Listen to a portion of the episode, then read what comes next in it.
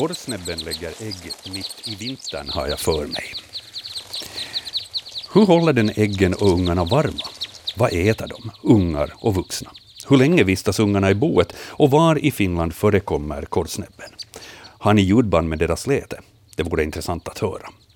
Det här hälsar Maire. Korsnäbben, vad kan vi berätta om den Hans?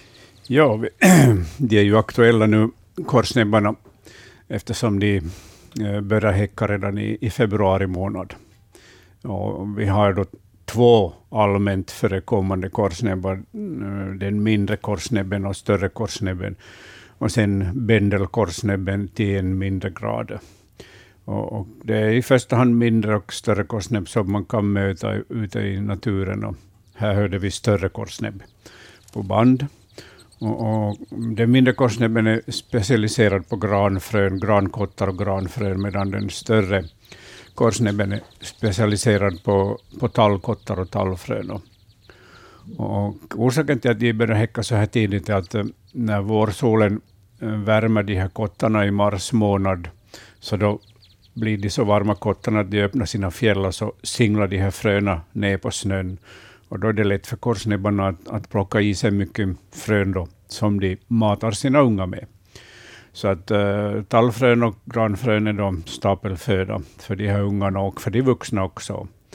Och de här fröna är ju mycket mm, fettrika och kolhydratrika, så att de hinner både växa och hålla sin värme, de här ungarna. Men honan värmer dem i början när de är små. Mm. Men sen de här, de här själva, Eh, själva bona så är ju väl isolerade.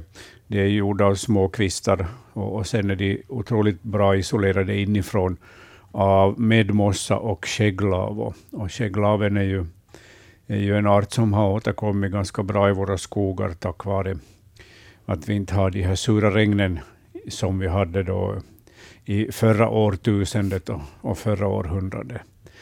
Och, och, tack vare den här goda isoleringen så, så kan de ligga och ruva i minus 20 grader, de här honorna och, och ungarna utvecklas, att kycklingarna utvecklas bra i äggen trots det. Mm. Så den är extremt, uh, båda arterna är extremt väl an, anpassade till, till vintern och vinterns hårda villkor. Korsnäbben är ju någorlunda lätt att känna igen då man ser den, men hur skulle du beskriva en korsnäbb? ja, det är lite papegojaktiga ser de ut faktiskt när man ser dem. Och hannarna är ju eh, vackert karmosinröda, medan honorna och ungfåglarna går i, i, i, i mossgrönt, eh, gulgrönt. Eh, sen är de sällskapliga av sig, som många brukar hålla ihop. De är flo typiska flockfåglar. Man kan se dem klänga precis hur som helst i, i, en, i en grantopp eller en talltopp för att plocka uh, kottar åt sig. Och det gör ju också att de påminner lite om papegojor när de kan klänga hur som helst. Mm. En sak som är viktig att påpeka när det gäller korsnäbbarna, att som frågeställaren frågar också, att, att var kan man få se dem och när? Och det är ju eftersom de är beroende av granfrön och tallfrön för sin häckning, så strövar de omkring på stora områden, de här korsnäbbarna, båda arterna, för att söka områden, barrskogar där det finns kottar och frön. Så vissa år kan man ha mycket av dem i sina egna tassemarker, och sen kan de vara borta fem år, och sen har man bra med kottar i sina tassemarker igen, och då kommer korsnäbbarna. Så det är sådana nomader som stryker omkring i hela Norden mm. på, på jakt efter föda. Ja. Uh, Maire skrev här att hon har försökt lyssna efter fågelläten på skogspromenader, men har inte hört något läte som skulle kunna komma från en korsnäbb. Så för att hon nu ska lära sig känna igen det, så ska vi spela det här ljudet en gång till. Är, är det någonting speciellt så som man kan lyssna efter för att på det viset identifiera att jo, det där är nog en korsnäbb? Ja, de här kontaktlätena är sådana chick, chick, chick som jag tycker att man lär sig ganska snabbt. Mm. Vi ska lyssna.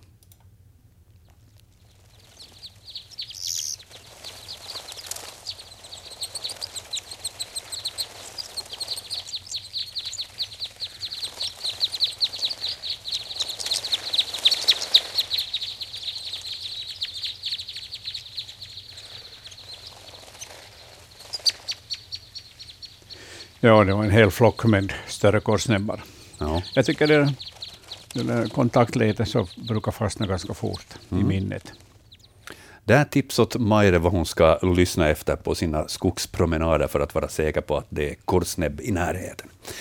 God förmiddag på er alla. Klockan den är alldeles just nio minuter över tio och det är Naturväktarna som är ert sällskap i Ylevega ända fram till klockan 12.00. Hans Hästbacka är expert den här onsdagen och mitt namn är Joakim Lax. Välkomna med. Frågorna, det står ni för. Det är ni som på det viset bygger det här innehållet i vår sändning. Och ni kan skicka frågor till oss på natursnabelayle.fi om ni använder e-post. Och ni kan för all del också skicka brev eller vykort eller paket till Ylevega, Naturväktarna, postbox 12 00024 Yle. Eller så ringer ni oss här i sändning på 0611 12 13. Vi ska lite senare här i programmet ta våra första samtal, men eh, först ska vi titta på bildbloggen som ni alla kan hitta på svenska.yle.fi natur. Och där har vi satt in, ja vad är det, ungefär 15 frågor som har kommit in här tidigare på e-posten. Och de bilderna så har vi matat in där i bildbloggen, så att ni lite lättare ska kunna följa med vad det är vi behandlar. Och eh, första frågan, första bilden som vi har där i bildbloggen, så är en eh, bild som på det viset har varit ganska aktuell för ja, en vecka sedan ungefär. Kanske lite drygt som jag tyckte att det var de första rapporterna om det här som man kunde se både på sociala medier och också på nyheterna.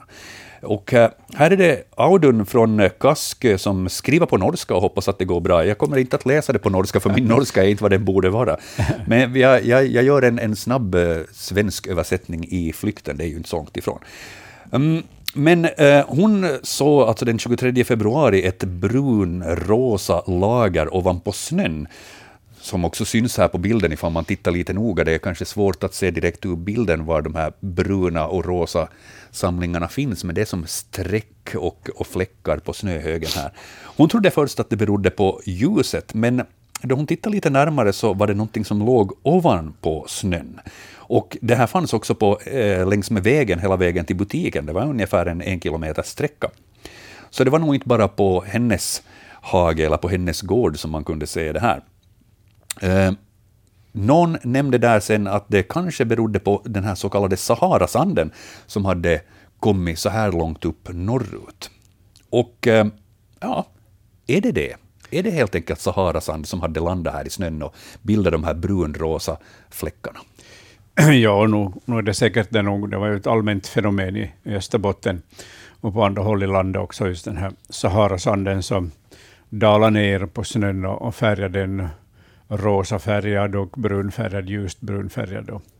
Och det, det är ju ett fenomen som är återkommande faktiskt, det här att vi får, får sand från Sahara till våra trakter när hårda stormar har dragit fram över Sahara och, och, och lyft de här, de här, den här finfördelade sanden högt upp i, i, i, i den här atmosfären och så sjunker den ju sakta mak ner eller kommer ner med nederbörden. Och, och samma händer ju också förstås också till exempel med, med de här askmolnen som stiger ur Etna på Sicilien.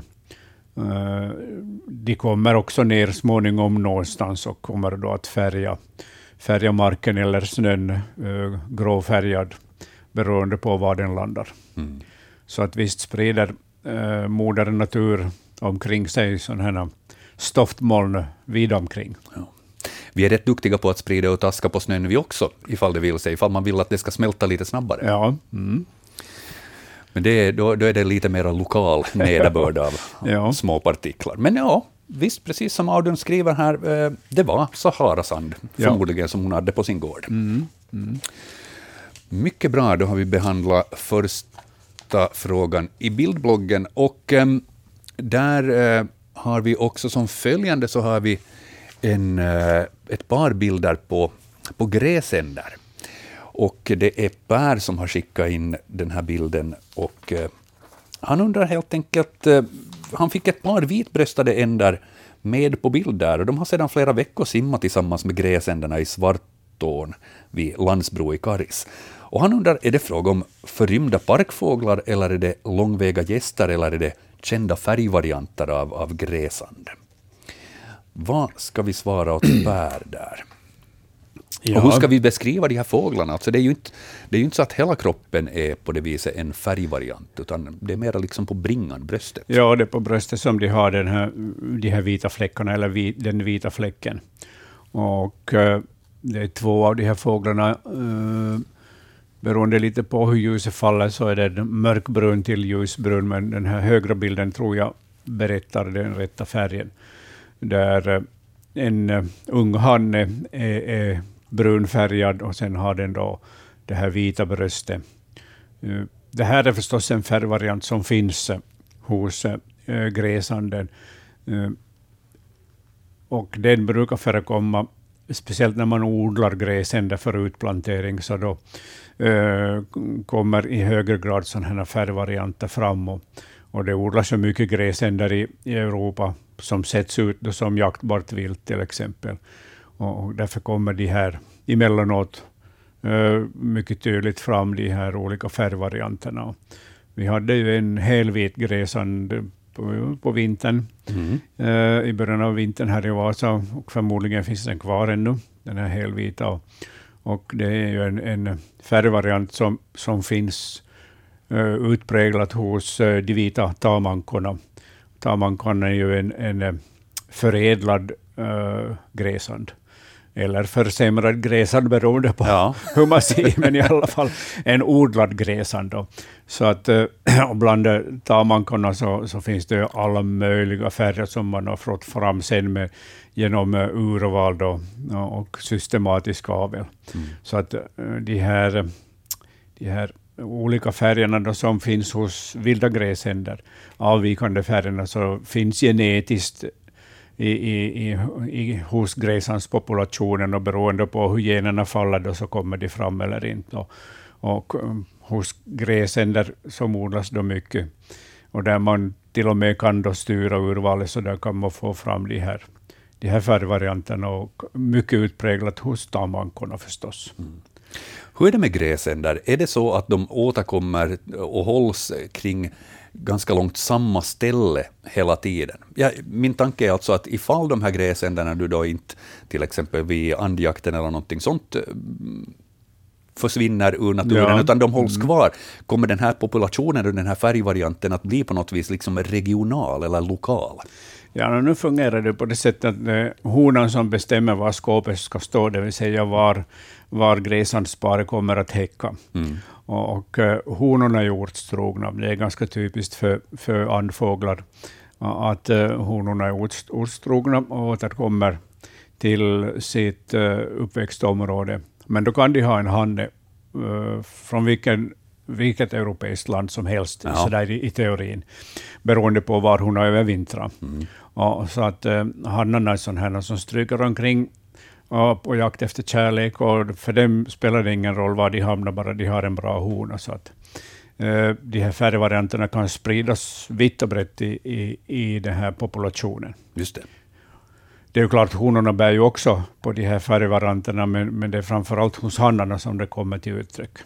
Okej. Okay vi får väl betrakta det där som ett, ett fullgott svar åt Per mm. på hans eh, fråga om de vitbröstade ändarna som där simmar tillsammans med gräsändarna i Svartån i Karis. Bara att följa med helt enkelt och se att, att hålls de kvar där ja. år efter år eller, eller kommer de att flytta på sig? Mm. Mm. Beror alldeles på hur de blir förälskade nästa höst. Ja, det kommer någon charmig, eh, charmig fransos på besök. Ja, eller precis. Med mera skorrande. Mm. Ja, det får vi se. Hörni, vi har vårt första samtal i Naturväktarna. Vi får säga god förmiddag. Vem är det vi har med oss? Nå, det är Bror från Pujo. Hej Bror. Ja, jag har en sån fråga. Det gäller en, en notis som jag läste i tidningen för en vecka sedan. Ja. Om en otrolig grej, alltså en myrsbov som dokumenterat har flugit 12 000 kilometer på 11 dygn, alltså från Alaska till Nya Zeeland. Ja. Nå, om man, det, det, betyder ju då att den har flugit 45 kilometer i timmen ungefär då oavbrutet. Kan det överhuvudtaget vara möjligt? Ja, det kan vara möjligt och, och eh, det är nytt världsrekord för, för flyttande fåglar det här. Och det finns inte något ställe där den kan rasta under den här vägen. Man har ju följt den med, med satellitsändare, Ja. den har satellitsändare. Men sen finns det ju, uh, flyttfåglarna är ju bra på att utnyttja medvinden. Ja, Och, och när de får tag i sådana här stora luftströmmar då, som, eh, som för dem mot målet, så uh, vistas de flyger de förstås i den här medvinden och det sparar ju otroligt mycket energi. ja. Ja, Men, men menar, det är ju ändå en, en avsevärd hastighet. ja visst, och medelhastighet. ja, visst är det det, det här. Och, Och, och förmodligen har den inte flugit rakt heller, så det är väl mer än 12 000 kilometer. Eh, Jag tror att den har flugit ganska rakt eftersom Jaha, den flög över okej. havet. Ja. Mm. Okej. Så att, eh, men, men visst är det en otrolig prestation. Ja, det tycker jag. Ja, ja. Men har sovit i flykten tiden nu, menar de. Ja. Så det här, men eh, just de här, de här satellitsändarna som, och GPSar och allt möjligt som man använder med, när man studerar flyttfåglarna idag, så det har avslöjat otroliga saker med flyttfåglarna. Det här är kanske det mest fantastiska, Ja, senaste nyheten. ja. Ja. okej. Mm. Ja, jag tänkte att det var något fel tryck eller någonting. Nej, Jag nej, det är faktiskt ett noterat världsrekord. Ja, ja, okej. Ja. Men då Ja. får man väl gratulera då. Ja, visst. Vi, vi lyfter på hatten, det är en duktig medelhastighet. Ja, ja okej. Utmärkt! Ja. Tack, tack för ditt samtal. Tack. Tack, Ja, hej. Hej. Hur är det alltså med just fåglar eh, som eh, förflyttar sig så här långa sträckor? Sover de medan de eh, flyger? Eller är det på något vis segelflyger de och, och, och sover i korta stunder? Eller Nå. vet man det? För, det vet man ju förstås inte. Men jag skulle, jag skulle tro att de sover nog, därför att de kan ju sova eh, med ena hjärnhalvan åt gången. Mhm. Och, och så att ena hjärnhalvan och ögat vilar medan andra hjärnhalvan är aktiv och sen byter de om. Så att förmodligen så sover de på det sättet också uppe i, i, i, det här, i, i luften när de flyttar långa vägar. Ja. Ganska spännande att Ja. de kan göra det. Mm. Där, där är någonting att försöka apa efter. Ja. Man skulle kunna bli mycket effektivare då. Ja, om vi nu behöver bli effektivare. Ja, det är frågan om. Och det är kanske bra att ha båda hjärnhalvorna påkopplade då man kör bil längre sträckor. Ja, ja. Jag tror det. Vi har ett till samtal. Vi får säga god förmiddag. Vem är det som ringer? Eh, Det är Anita, hej. Hej Anita. Jag undrar, finns det gulhämpling i, i, i Finland? I, jo, Finns det? Eh, nu måste jag kolla upp saken för säkerhets skull, men Så att inte vi... mm, Gulhämpling i Finland. Det är långt över min expertis, men tack och lov så Förutom att Hans är väldigt beläst så kan han också läsa, så vi ska snabbt kolla upp för att få det bekräftat. Ja. Är, är det så att du har sett gulhämpling någonstans? Jo, Det brukar ju vara första indikationen på att det finns. Ifall jo, det är det men jag är, osäker, jag är osäker på att var det, en, var det en gulhämpling eller, eller var det inte. Mm. jag, jag, det passar inte ihop med någonting annat. hur såg den ut?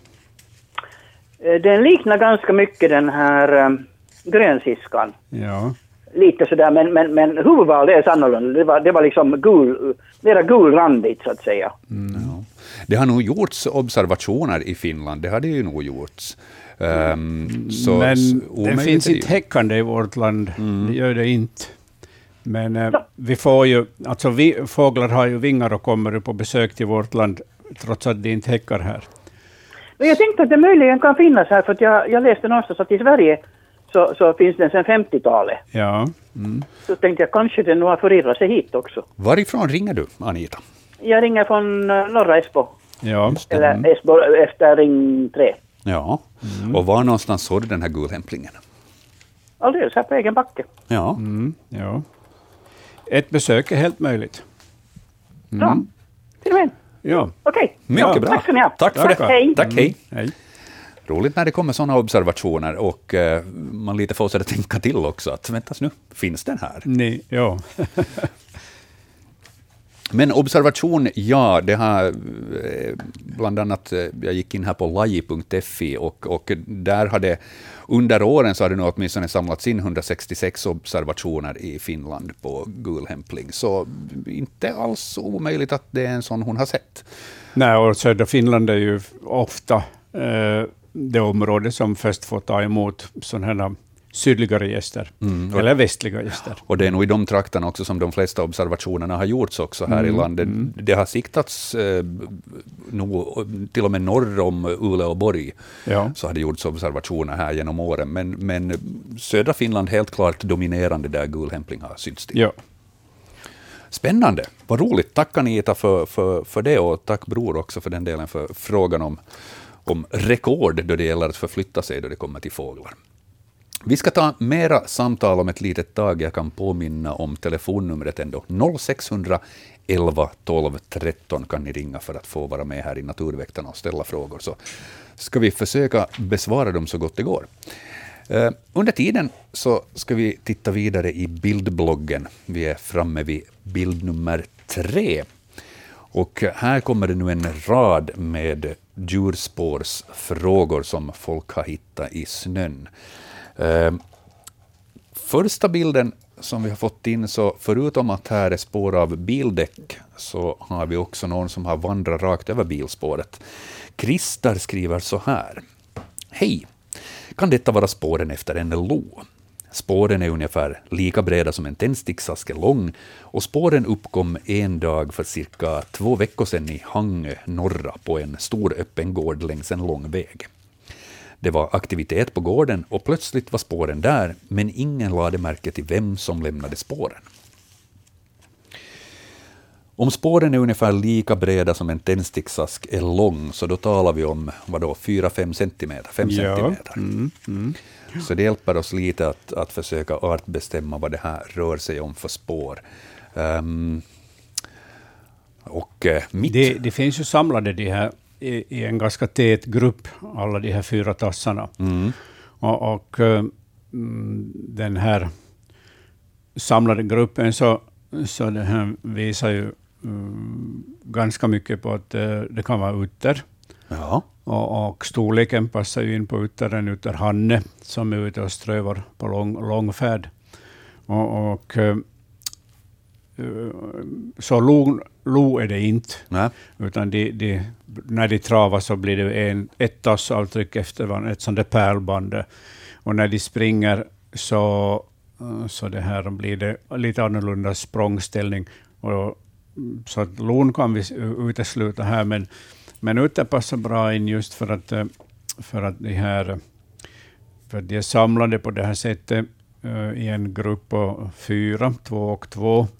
Och, och sen hälarna lämnar sådana här ganska karaktäristiska, lite, os, lite suddiga spårstämplar i, i själva tassavtrycket.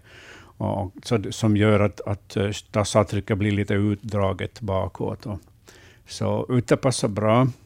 Och eh, att den har vistats eller gått förbi här på dagen, trots att det varit folk ute på gården, så, så passar också in nu för tiden på utter, därför att mm, uttern får ju inte jagas, den har ju inte fått jagas på många, många år. Mm. Och det gör att, eh, att uttrarna har blivit mindre skygga av sig och, och eh, kan visa sig mitt på dagen på många ställen idag. Ja. Så att, eh, nu ska jag säga den utterhanden som har varit ute på fria färd. Vi har ju, uttrarna kan visserligen para sig året om, men att eh, också de så har en, en parningstid som brukar infalla på vårvintern för det mesta. Och eh,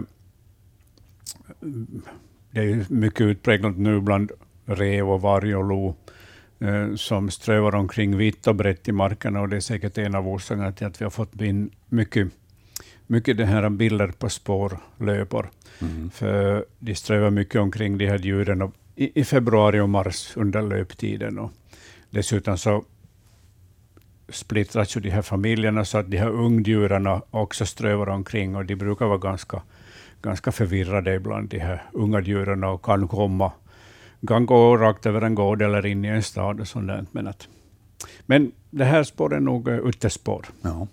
En annan sak som också på något vis stöder det att det här kunde vara utter, så är att det har ju siktats väldigt mycket utter, upplever jag, den här säsongen. Och vi har haft en artikel om det också på, Ja. på Svenska Yles webb. Och, och jag menar, den här bilden var från Hangö, och bland annat därifrån har vi fått rapporter tidigare också i Naturväktarna om utter. Ja, ja, ja Hangö är ett område där det finns eh, loka, en lokal utterstam som, som, eh, som är ganska lätt att observera när man lär känna var de finns, vad de brukar hålla till.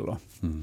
Och eh, just det här att, att de inte har jagats, att de, inte, de har den här inskjutna skyggheten som men, den jagande människan förorsakar, så gör ju att de, att de, här, att de kan vara dagaktiva. Ja. Under den tid när, när utterjakt var allmän i Finland så, så blev utrarna nattaktiva, helt nattaktiva, så de övergav all dagaktivitet för att de var lättare att jaga då. Mm. Nu sprang den här rakt över en gård, det står ju inte var gården är så det är i förhållande till närmaste vattendrag, men nej, nej. hur är det med uttrar och liksom att röra sig i, i skog och mark på det viset och inte vara så nära vatten? Ja, de kan, de kan röra sig i skog och mark eh, fem, till och med tio kilometer mellan olika vattendrag. Så att de, de kan vara långt borta från ett vattendrag när man får syn på dem eller när man upptäcker spåren. Men de vet precis vart de går. Mm. De kan ha en bäck som de går till där de, där de då plockar åt sig övervintrande grodor. Eh, ett källsprång där det också brukar finnas grodor. Och sen vidare då till någon sjö där det finns en, en, eh, ett övre, en övre åmynning då som är öppen där den kan fiskas. Så, att, så de, de har märkligt, märkligt bra har de kartlagt sitt revir, trots att de är är lågbenta djur och inte ser något långt, men de vet precis var de är och vart de ska. Ja. Uttern lämnar inte desto mera spår av, av svansen då, eller? Nej, den håller ju svansen upphöjd när den springer på det här sättet. Ja. Så den släpar inte i marken. Uh, och det här är, åtminstone här på vägen så är ju snön uh, så tunn så att det finns inga möjligheter att, att det skulle bli någon märken efter svansen. Sen när den kommer ut i, i, i djup snö, så då kan man nog se svansavtrycken och så ser man ju också de här kanorna som den åstadkommer när den glider på magen på snön. Ja. ja. Men mycket bra, då får vi notera för Christer i Hangö att det troligtvis är en utter som ja. har sprungit över gården. Som sagt, mera spår har vi här och eh, Följande kommer från Hans Blomqvist som eh, kort och gott undrar, är det här lospår? Och så har han placerat sin egen fot där förmodligen då bredvid och meddelar att det är storlek 46, så att vi lite lättare ska kunna bedöma storleken på det här spåret. Eh, frågan väldigt klar och tydlig på det viset, är det här spår av lo? Är det ett ja eller ett nej där? Uh, nej. Uh, när man ser det här spåravtrycket, ett bra tassavtryck och, och bra fotograferat också, så, så ser man att det finns äh, kloavtryck från, äh, från, från på ett, två, tre, fyra ställen ja. som det ska vara. Och också, det är ett hunddjur. Äh, lon äh, sätter ju inte ut sina äh, klor, klor äh, när den går. Den kan någon gång när den behöver ett extra grepp, till exempel på halis eller, eller skarsnö, så då kan den sätta ut tillfället de här klorna för att få bra grepp. Men, men annars är de alltid indragna, precis som hos uh, de andra kattdjuren, för att det ska vara sen de här vassa verktygen att, att uh, fånga byten med. Mm. Så det här är ett hunddjur. Uh, jag tycker att det, alltså det kan ju vara varg eller rev, de två alternativen passar in här. Uh, storleken så passar in på en revhanne, skulle jag säga. Jag mätte just mina egna skor som är de 41 eller 42, de är 10 centimeter breda. Ja. Och den här 46 är kanske 12 centimeter bred. Så en revhanne skulle jag säga att har gått här. Mm.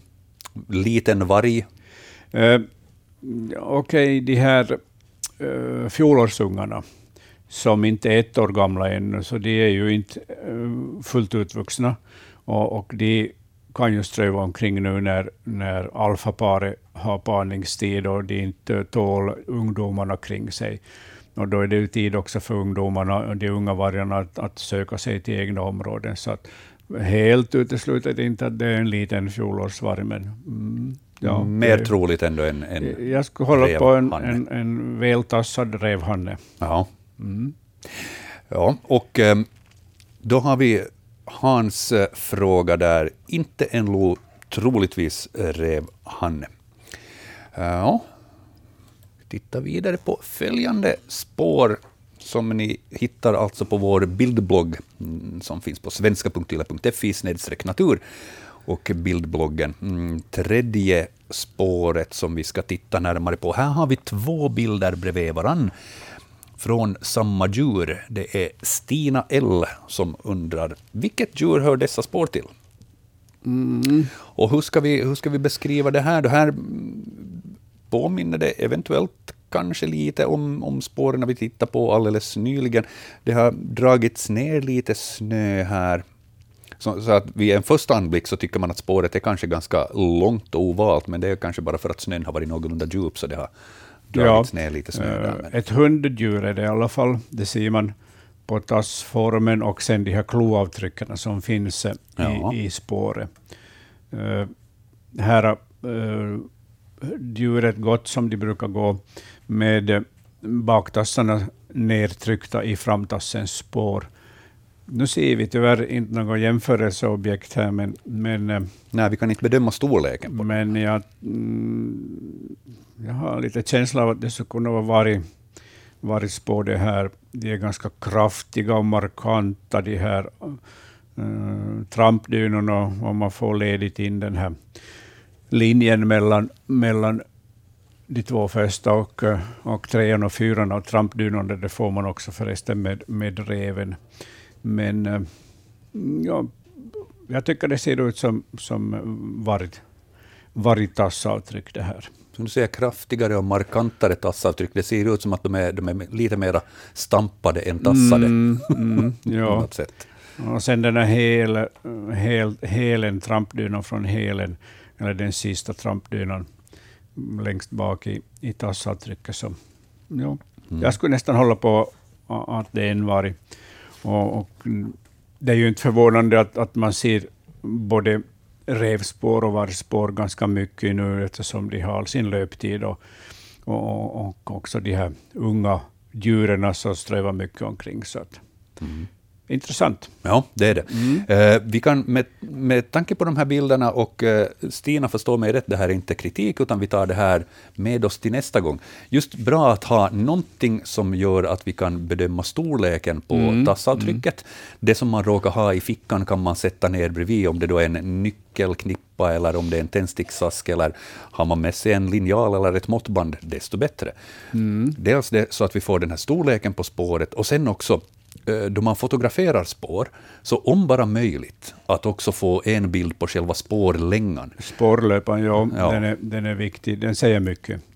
Ja. Man ser ifall, ifall tassavtrycken går i en tät linje, mm. eller om det är lite mera bredare steg, och ifall det har gjorts skutt och, och, och sånt här. Det, sånt kan också vara avgörande då man ska på det viset mera kunna specifikt bestämma vad det är som har sprungit omkring i snön. Vi har fler spår att titta på, men telefonen blinkar och ja. pockar på uppmärksamhet, så vi tar ett samtal här emellan också och säger eh, god förmiddag och välkommen till Naturväktarna. No, hej, trevligt att komma fram igen. Hej, vem är det som ringer? Det är Jan Hermansson här från Kyrkslätt. Hej Jan. Det där, förra hösten var det tal om min illegala, inom citationstecken, kompost. Ja. Och, och då föreslogs det att det är näbbmusen kanske som som gräver sig in där. Ja. Och nu, nu checkade jag här för ett par veckor sedan så var det ett riktigt fint jämnt hål som någon skulle ha stuckit ett kvastskaft in dit. Ja. Det var inte något större, kanske 22, mm. max 25 millimeter i diameter. Ja. Är det just näbbmusen det? Eh, det passar också in, det passar bra in på näbbmusen, så passar det in också på på de minsta smågnagarna som också har sådana här små hål. Men eh, näbbmus ligger närmast till. Ja, sorkarna är liksom gör större hål eller? Ja, de kan ha lite större, men det är klart någon kan ha det där hålet också. De är ju, de är ju i, i själva verket mycket små djur när man tar bort pälsen på dem, så de har ganska, ja. ganska små ingångshål. Ja.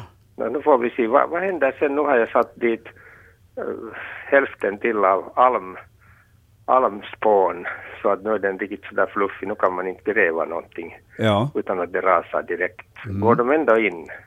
det tror jag nog, ja. ja. Okej, Ja. välkomna. Inget problem. Men sen en annan intressant fråga från, från Lahtis, det vill säga det där Päijät-Häme området. Mm. Där är trädfloran lite annorlunda än här. Och det som först sticker i ögonen är, är att björkarna har en sån där röd, vinröd, röd lav som, som går upp till kanske två meter ibland på björkens stam. Och det Ja, ser man inte här i Kyrslet. ja. Mm. Vad vad är, vad är det som gör att den finns där och vilken lavmån är det? Uh, säkert är det jordmånen som, som uh, ger den här mm, och mikroklimatet som gör att den här, den här vinröda laven uh, trivs. Men jag måste kolla upp mm, vilken lav det kan vara frågan om, om den har en speciell utbredning i Finland. Ja, Så det kan vara intressant att, att kolla upp det där ordentligt. och det där, det, det finns lite också på asparna, men jag vet inte Mm. om det är samma. Men björken, det, det blir så fin kontrast när björken har sin Ja. vita Mm. Och, Ja, och precis. den lyser sådär. Och, Mm. och, och granarna där också, det, liksom det, de, har mycket, de, är- de är resliga och har mycket mindre kvistar Jo, än, alltså, än, än här nere i söder. Ja, det, det, det finns ju områden i, i Finland där, där träden verkligen är resliga och, och de, de klår alla våra träd längs med kusten utan vidare i fråga om Ja. reslighet och eh, kvistfrihet. Ja, precis. Ja. Och det, beror, Men- det beror på eh, de lokala förhållandena förstås. Och, och eh, i, längs med våra kuster så, så piskas ju träden allt som oftast, av hårda vindar och stormar och det gör att de, att de har en annan utformning, en, ett annat växtsätt. Och, och sen, sen finns det ju också lokala, lokala bestånd som har en viss genetisk uppsättning som, som ger otroligt raka och höga stammar. Och de finns då framförallt inne, inne i landet. Ja, precis. Och jag nämnde en gång tidigare Mm. om det där Vesijakosjön som ligger i...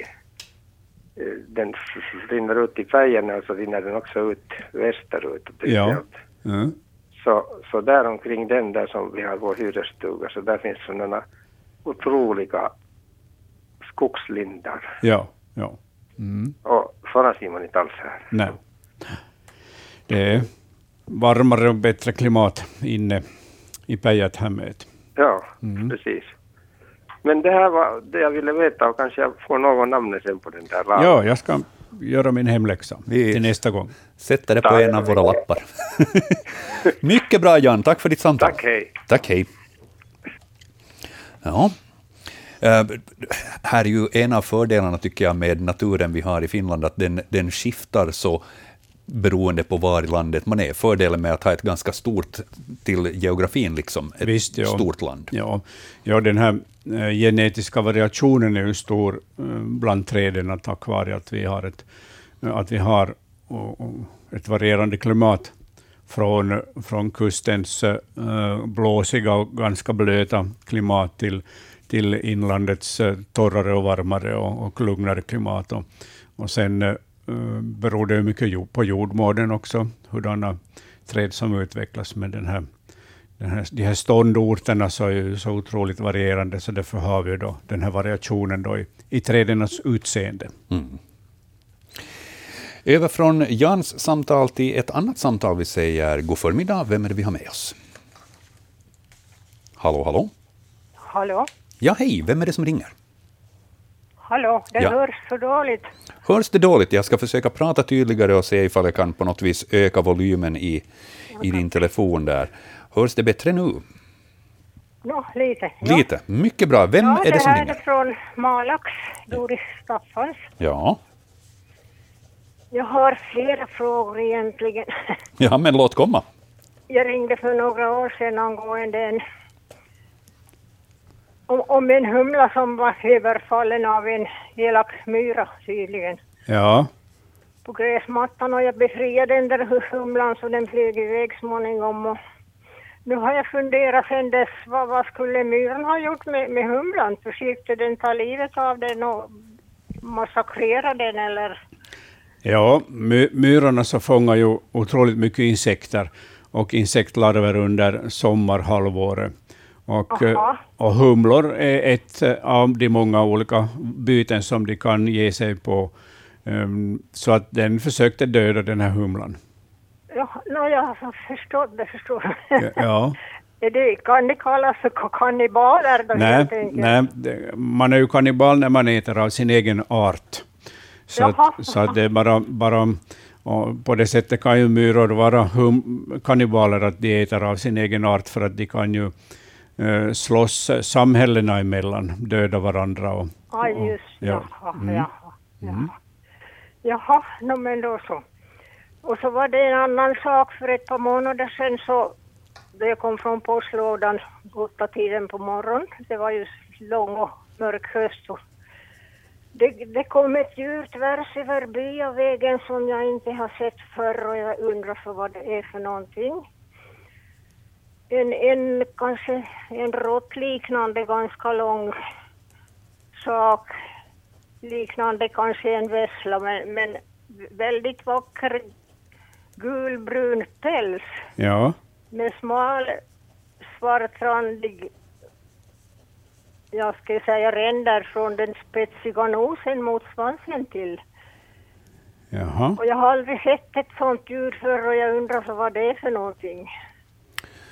Och så hade du svarta ränder som gick från nosen, Ja, och de gick liksom längs med kroppen då på något längs sätt. med kroppen alltså. Man- Man brukar säga blyert smala svarta ränder.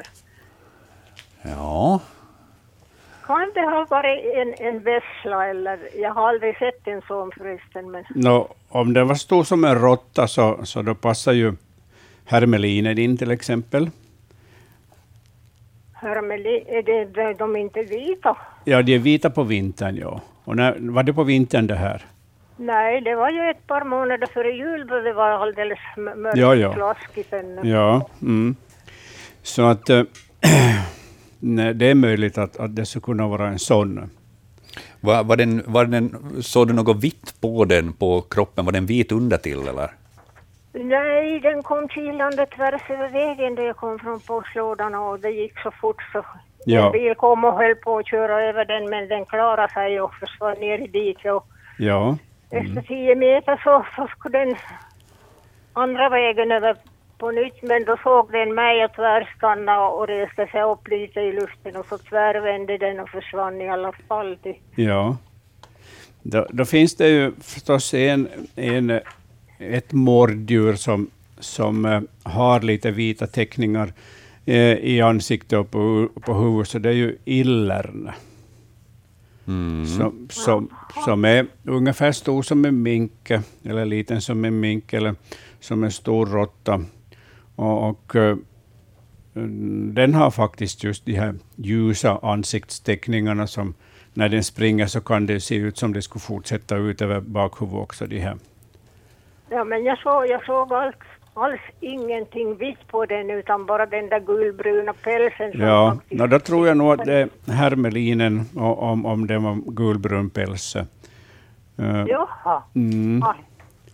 Inte, jag så, inte, så, förändrar päls. ja, inte såg de om den hade lång eller kort svans. Nej, jag hann inte se Nej, det. nej. Och ju, just det här, den är så där snabb av sig, så det är ju typiskt för, för hermelinen och visslan. Mm. Eh, Jaha. ja. Jaha. Var håller det hus någonstans då? Är det vinter? I alla till i granskogen eller vad? granskog och på odlingar också, gräsrika odlingar och i skogsbryn och, och till och med på gården, hemma på gården om det finns mycket sorkar och möss där. Jaha, nej, nej, det skulle jag inte säga, men vi bor ganska nära skogen Ja, ja, det par- kommit därifrån. Mm, de, de, de rör sig både i skogen och ute på öppen mark och gärna i skogsbryn som många andra djur.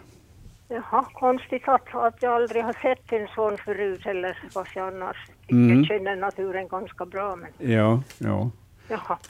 jaha, och så var det ytterligare en sak jag borde, må, måste berätta en historia som kanske verkar lite osannolik, men jag har upplevt den själv för sådär 76 år sedan. Ja. Nå, men låt höra. Jo, det, det är en historia som verkar konstig på något vis, men ja, ja, vi hade ju, hade ju djur på en vanlig bondgård, så jag var ute och gav hästarna nattmat elva tiden på kvällen, Ja. sent, och då jag kom ut från stallet så så hann jag inte ta många steg förrän jag hörde ett vrål som inte var av denna världen. Så jag lämnade nog stå som en stenstod som man brukar säga. Ja. Jag, jag, jag lyssnade och lyssnade och kom till att ljudet småningom kom från en... Eh, vi har en bondgård som är, som är stall och, och fähus, alltså motsatta mot varandra. Så in, in, i- in, in mellan dessa gård så det, har ju varit en gödselstack som var tom då på sommaren, men i alla fall en hårt trampad ler, lermark var ju där. Mm. Och jag lämnade stå där utanför för en, en dubbeldörr och tänkte jag för sjutton, jag, jag vågade inte glänta på dörren och se efter vad det var för det lät så hemskt det där vrålet. Men småningom måste jag ju öppna den där dörren och, och då såg jag ju att det var liksom en konstigt statyliknande, jag vet inte vad jag ska säga, någonting som kanske var 60 centimeter högt, någonting som det liksom svajade fram och tillbaks. Ja. Och jag nästan så trodde inte själv vad jag såg, men det, det var, Va, vad upplevde du att det var? ja, jag såg, det var lite skymning där under plåttaket, men småningom så såg jag att det var någonting som, som rörde sig liksom. Och efter, efter att jag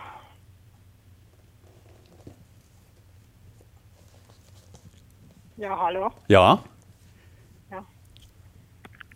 Se- 60 centimeter högt, säger du. Ja, det underliga var ju att det liksom rörde sig fram och tillbaks. Ja.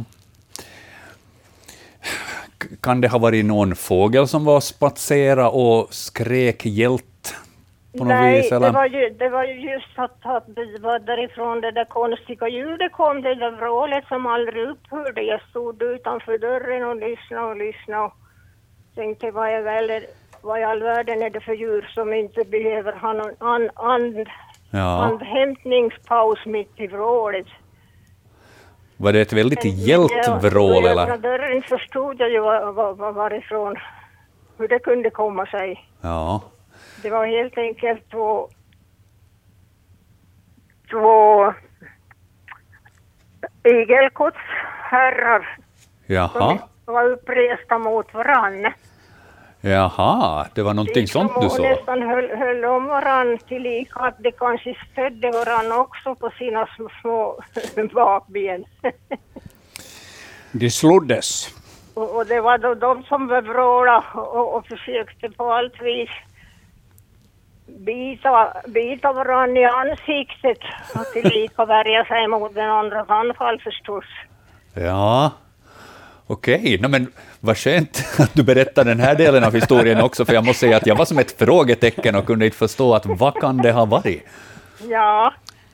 Jo, men jag så, så måste titta ordentligt och, och, och de, de vrålade och vrålade och då förstod jag ju varför jag inte hörde någon an, andhämtningspaus eftersom det var två som skrek tillika. Ja. Ja.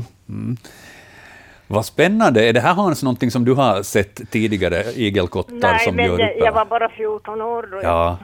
så det, det är ju länge sedan. Men, Precis. Ja, Fascinerande. alltså- ja, no, de fortsatte ju hela tiden att skrika och bita varann och, och strax nedanför så satt två, de där två honorna då mödrarna förstås, som var uppblåsta som två väldiga fotbollar. Ja. De satt och följde med bli- spektaklet. Bli och betraktade. Vilken spännande historia, hör du, Doris. Ja, men hur det roligast av allt så var en, en yrande rolig ringdans av knytnävsstora små igelkottar. Ja. Där alldeles bredvid som tyckte så hjärtans roligt i vild ringdans. ja. Det gick inte att räkna dem för det, det var så många, det måste ha varit flera dussin. Just det. Och de sprang runt, runt och hoppade över varann och turnade mot varann och ramlade och, och föll och, och kvickt upp igen. Ja. Och tyckte nog ha så hjärtans roligt så jag har skrattat åt det många gånger då jag har tänkt på det. Och fint att du delar med dig av den här historien, så får vi skratta åt den vi också, för att eh, det där är ju någonting man gärna skulle vilja ha, eh, gärna skulle ha Men jag har sett. tänkt många gånger då jag har lyssnat till det här programmet att det är ingen som pratar om igelkottar men det, det kanske inte finns så många av dem numera. Och nu har vi någonting att prata om. Hördu, tusen tack för, för den där historien och tack för dina frågor också, Doris. Ja, men tack, tack så mycket. Tack, ha en riktigt skön fortsatt torsdag, äh, onsdag. nu gick jag en dag för långt där. Ha det bra, tack ska du ha. Tack, hej. Hej. Hej. Ja, Ja, igelkottarna har ju sin parningstid på våren och, och då brukar hannarna slåss förstås eh, om honorna och brukar vara ganska högljudda av sig. Och på den där tiden så fanns det betydligt mer igelkottar än det fanns idag. Så, och eh, just de här Eh, gödselstacksområde och, och eh, stall och fähusområde så var ju, var ju tacksamma eh, ställen för igelkottar att, att vistas och leva på. Och, så här fanns ju många igelkottar förstås. Det fanns ju ingen biltrafik som, som körde ihjäl en massa igelkottar på den tiden. Och, och sen hade vi ju inte gräsmattsraserier gräsmattsraseriet hade ju inte brett ut sig så mycket, så det fanns gott om, om småkryp och skalbaggar och dagmaskar för de här igelkottarna att snaska i sig ja. på vedbackar och i, i, i, i, trädgården som inte var så vårdad som idag. Ja. Så att, eh, men igelkottarna kan vara högljudda av sig. De, Jag tänkte de här just förbannade hannarna kan vara det. Jag tänkte just säga att jag, jag har hört igelkottar fräsa en del, då man har Mm. liksom kommit för nära och man har försökt undersöka dem. Men, men, eh, men de kan alltså ha ganska gälla rop också. Då. Ja, de kan ha en hel del ljud för sig när de slåss. Ja. Spännande historia vi fick höra där, 76 år tillbaka i tiden. Fint att Doris delar med sig av det där. Tack ska du ha. Vi ska titta vidare på spåren som eh, vi har fått in bilder på. Vi har fyra minuter till följande nyhetssändning, så vi hinner åtminstone titta på den här ena bilden. Här är det nämligen eh, Lisbeth som har skickat in den här bilden från Barö skärgård. Eh, de var första gången ute på holmen under vintern och två spår som eh, gjorde dem väldigt osäkra. Det ryktas att både lo och varg har synts i Barö skärgård. Kan det här vara lo och är det lilla spåret efter grävling? Och så har vi tre stycken bilder som vi har satt in på bildbloggen. Och, i vilken ordning ska vi ta det här? Ska vi ta de här små spåren först? Nej, vi tar det här stora spåret först, Stora längst, spåret. längst ner till höger. Mm. Och, och eh, nu vet jag inte hur breda de här brädorna är eh, Ja, på terrassen. Men, dra till med 95 millimeter? Mm, ja, passar bra in. Eh, där har nog en, ett lodjur gått. Man ser att, att det är så här mjuka, runda spårstämplar. Ja. Eh, och inga kloavtryck alls. Så här har nog en, en lo, kanske en ung lo då, som, som eh, håller på att bli självständig, så har varit uppe på terrassen och vandrat. Det är inte alls ovanligt att, att vilda djur eh, stryker omkring vid sommarstugorna och går upp på terrassen under vintern. Därför finns ju inte folk där som skrämmer bort dem. Precis. Eh, Så här har nog ett, ett lodjur varit framme och lämnat sina tassavtryck. Eh, Sen den här andra djuret, grävling är det inte. Mm, Var har vi något jämförelseobjekt? Ja, här finns, där finns ett löv bredvid den här, vad ska vi säga, eh, pelaren. Mm, så finns ja, det där är ett björklöv. björklöv. Ja. Mm.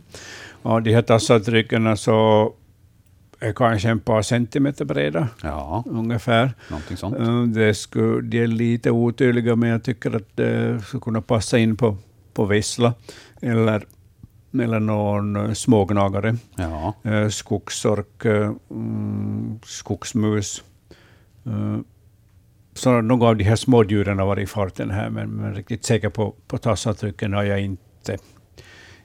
I alla fall så lever sommarstugan sitt vinterliv med djuren nära inpå. Så är det. Men, men lo kan vi säga Ja. med ganska stor säkerhet. Ja, de, de är så karaktäristiska, de här spåstämplarna, just det här runda spåstämplarna, mjuka, den, det ger ett sånt mjukt intryck, de här spåstämplarna. Och, och sen, eh, mm, mm, ja, det, kanske eh, skogsork, skogsmus, det här andra. Ja.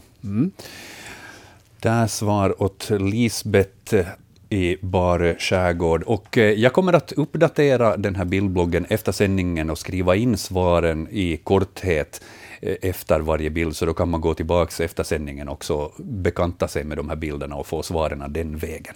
Du lyssnar på Yle Vega. Hans Hästbacka, expert idag i Naturväktarna. Mitt namn är Joakim Lax. Välkomna med den här förmiddagen. Vi har alldeles nyss besvarat en ganska lång rad av frågor om spår i snö, men vi har faktiskt en till i vår bildblogg. Och bildbloggen för övrigt, den hittar ni på svenska.yle.fi natur. Följande bilder som vi har fått in, de är tre stycken till antal här, så är Marina som har skickat in från Ekenäs skärgård. Eh, de här bilderna är tagna ganska specifikt på eh, vid Stora Mistön, 1,8 kilometer från Baggö ute på isen. Och eh, om vi tittar på de här bilderna så eh, undrar hon då förstås, vilket djur hör de här spåren till? Är det varg eller är det lo? Och här, nu har vi ju då lärt oss under förmiddagen att ett hunddjur känner man igen på att det finns klor och specifikt för lo är det att det är ett ganska runt spår och inga spår av klor. Ja. Så då tittar vi på de här.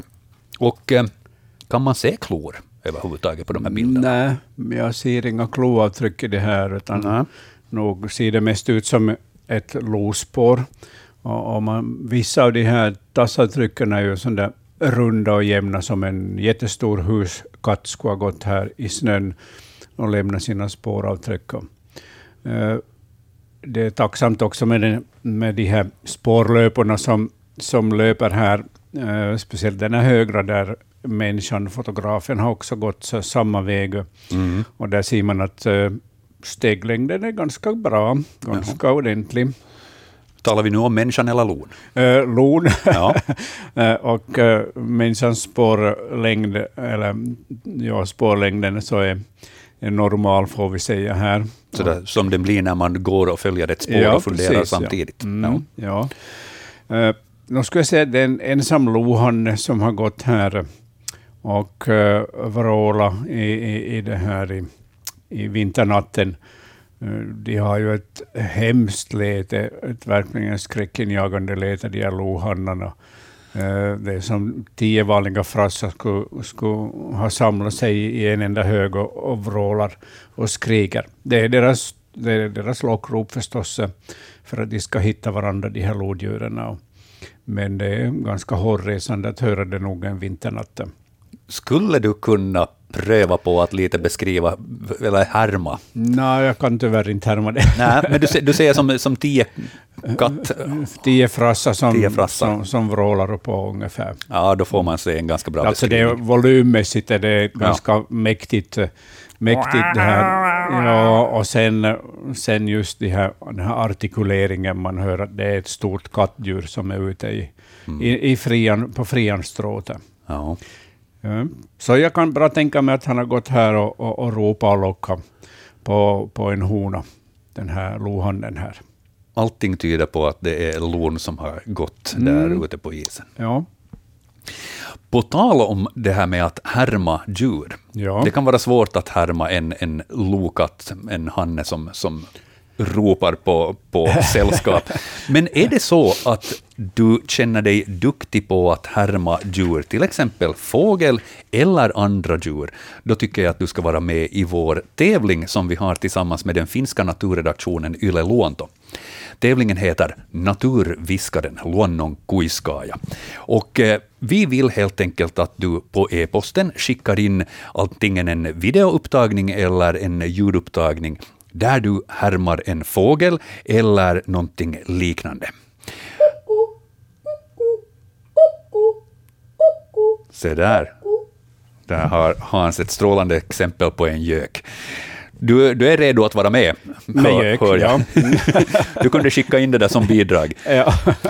Som tips kan jag ge åt er som nu genast känner att ja, men det där kanske jag kunde pröva mig på, så är att banda gärna det här ljudet, oavsett om det då är video eller bara en ljudupptagning. Gör det utomhus, för där är det en lite annan luftfuktighet, så det är lättare att få till visslingar och liknande.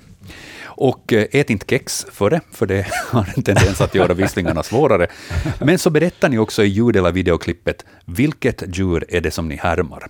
Och sen gör ni den här, så, den här prestationen? Och så skickar ni in det på e-posten. Natursnabelayle.fi och märk gärna e-posten också, naturviskaren, så vet vi att samla ihop de här frågorna till rätt ställe.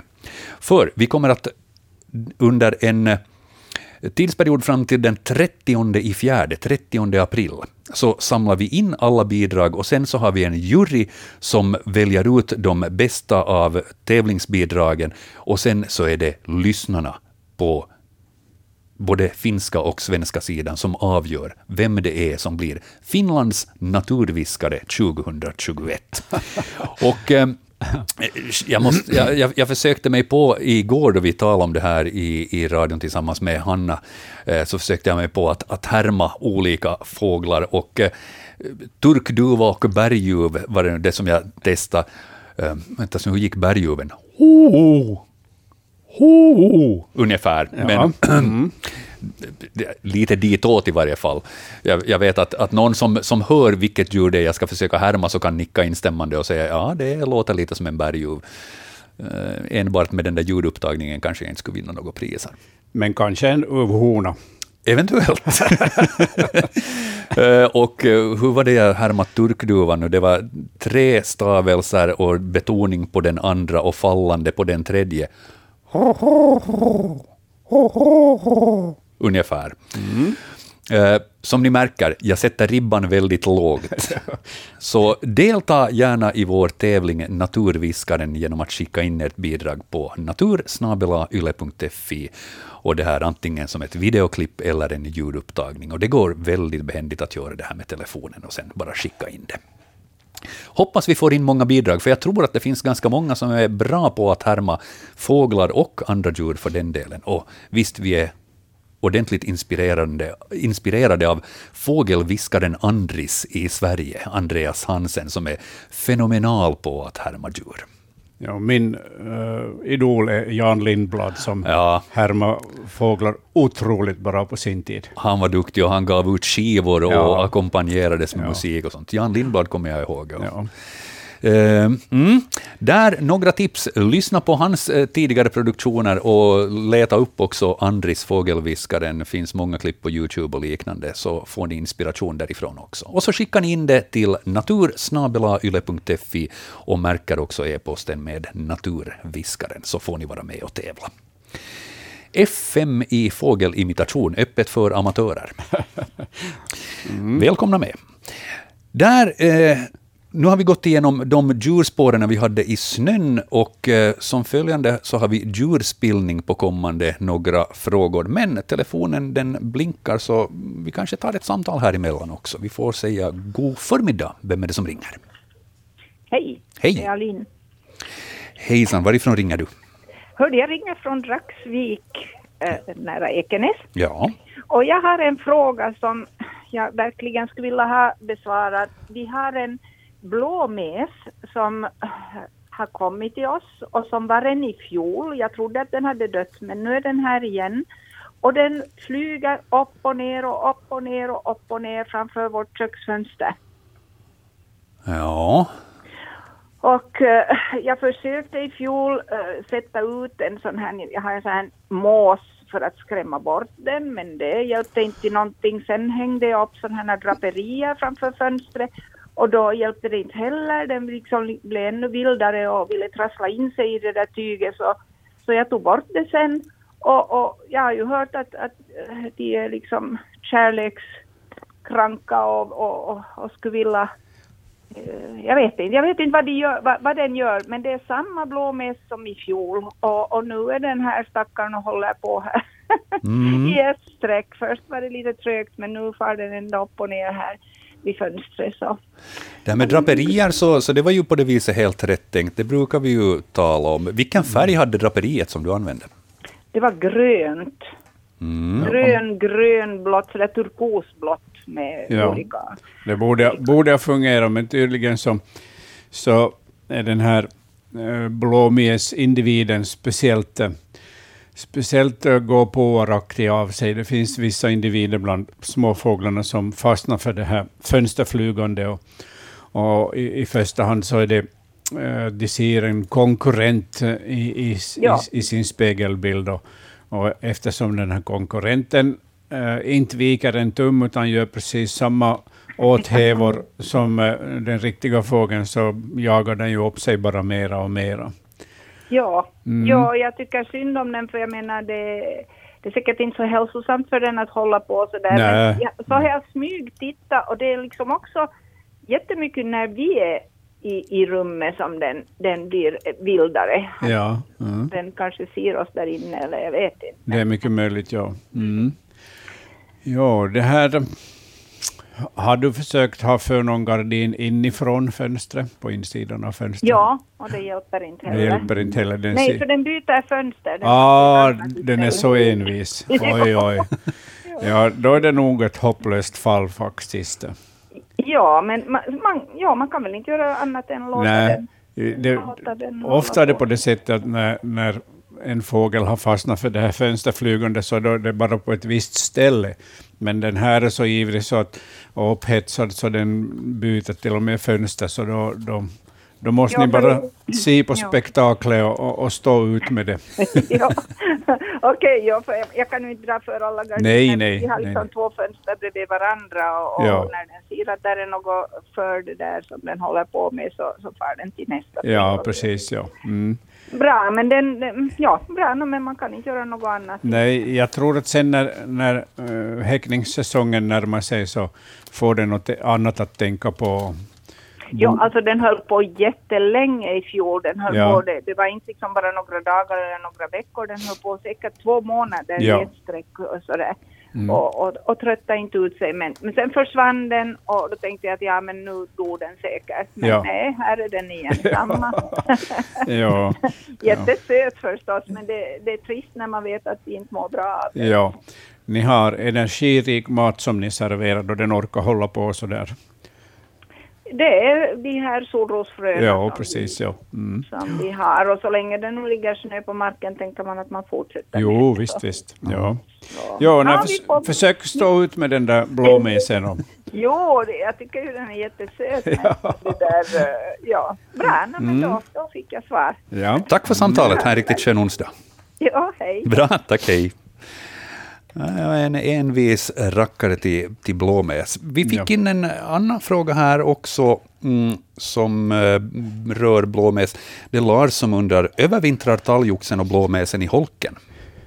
Ja, alltså de här övervintrande mesarna, talgoxe och blåmes och, och eh, andra hålbyggare, så de sover eh, på nätterna i, i, i holkar och naturliga håligheter. Så visst använder de eh, holkarna också under vintern, talgoxe och blåmes. Och, så det är bra. Jag brukar göra så att, att jag låter de här gamla borna finnas kvar i, i holkarna på hösten och vintern så har de en, en viss värme underifrån och, och så städar jag ur den först på, på vårvintern i, i mars månad eller april när det är kallt eh, för att inte få fågelloppor på mig. Så att eh, ja, de använder holkarna flitigt och, och det finns eh, talgoxar och blåmesar som också eh, övernattar i, i ventiler i husväggen och sådana ställen. Så att, uh, håligheter av olika slag är viktiga. Ja. Det om blåmäsen. Jag tittade till e-posten här eh, alldeles nyss, för, bara för att se att vad hade kommit några nya frågor. Vi ska se hur många av dem vi hinner behandla, för vi har en hel del som har kommit in här tidigare, som vi också ska hinna med i sändning. Men det har varit tidigare eh, ganska mycket tal om uttar och Ja. om lodjur också. Så jag tänkte jag kan plocka upp ett par här. Um, Harriet har skickat in här att eh, vi hade jultiden fyra lodjur samtidigt vid vår sommarstuga cirka 100 kilometer väster om Esbo. Det hade fällt en hjort. Undrar om det är en familj och om det är stationära eller vandrar det vidare. Det har fortfarande rört sig på vår strand märkte vi. Ja. Eh, Jag skulle säga att det är en lohona med tre ungar. Mhm. Ett mycket bra förökningsresultat.